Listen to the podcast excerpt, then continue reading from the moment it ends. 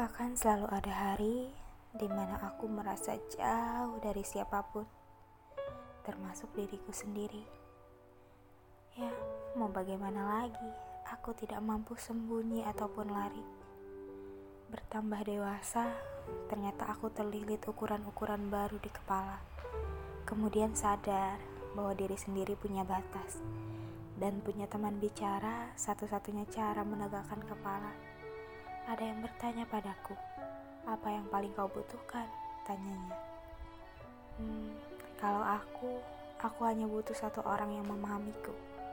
Aku kesulitan, aku kesepian, aku lelah, aku gagal, aku takut, tolong aku. Orang yang selalu mendengar saat aku bercerita tanpa perlu menyembunyikan apa pun. Orang yang berkata tidak apa-apa jika tidak baik-baik saja. Orang yang mengeratkan genggamannya saat aku mulai jatuh. Orang yang selalu percaya padaku bahkan saat isi dunia menjauh. Ya, ternyata punya orang yang mengiringi langkah dalam beratnya perjalanan salah satu bentuk cinta dari empunya semesta.